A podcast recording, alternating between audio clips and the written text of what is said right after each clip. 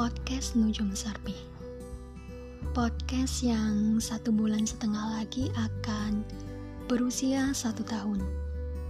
Untuk diriku sendiri ini cukup begitu mengagumkan Karena ada kamu yang mau memberitahu dunia bahwa ada Nujum Sarpi Ada kamu yang merasa bahwa Nujum Serpih mewakili perasaanmu dan ada kamu yang ingin Nujum Serpi ini dinikmati oleh banyak orang.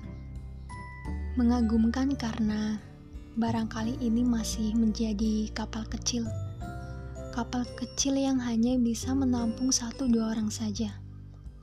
Dalam perjalanan ini, perjalanan yang masih dalam langkah kecil ini membuat aku merasa bahagia karena Nujum Serpi berani melangkah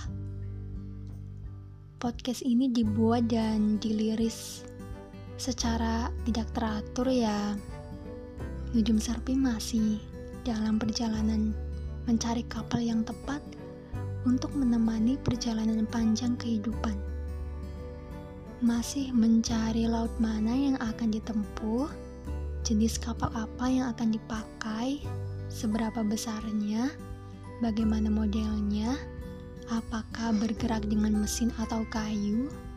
Apakah lantai satu atau seribu? Sebab entah sekarang atau nanti, entah cepat atau lambat, kalau ingin menjadi kuat, kita harus mencoba. Ya, akan ku buat begitu Nujum Sarpi. Untuk itu, Nujum Sarpi akan melawan rasa takut hingga tidak tahu lagi bagaimana rasa takut itu. Podcast ini, tepatnya isi dari podcast ini sudah dipikirkan atau dicatat lama namun banyak perubahan dan akhirnya Nujum Serpi lagi-lagi mencoba.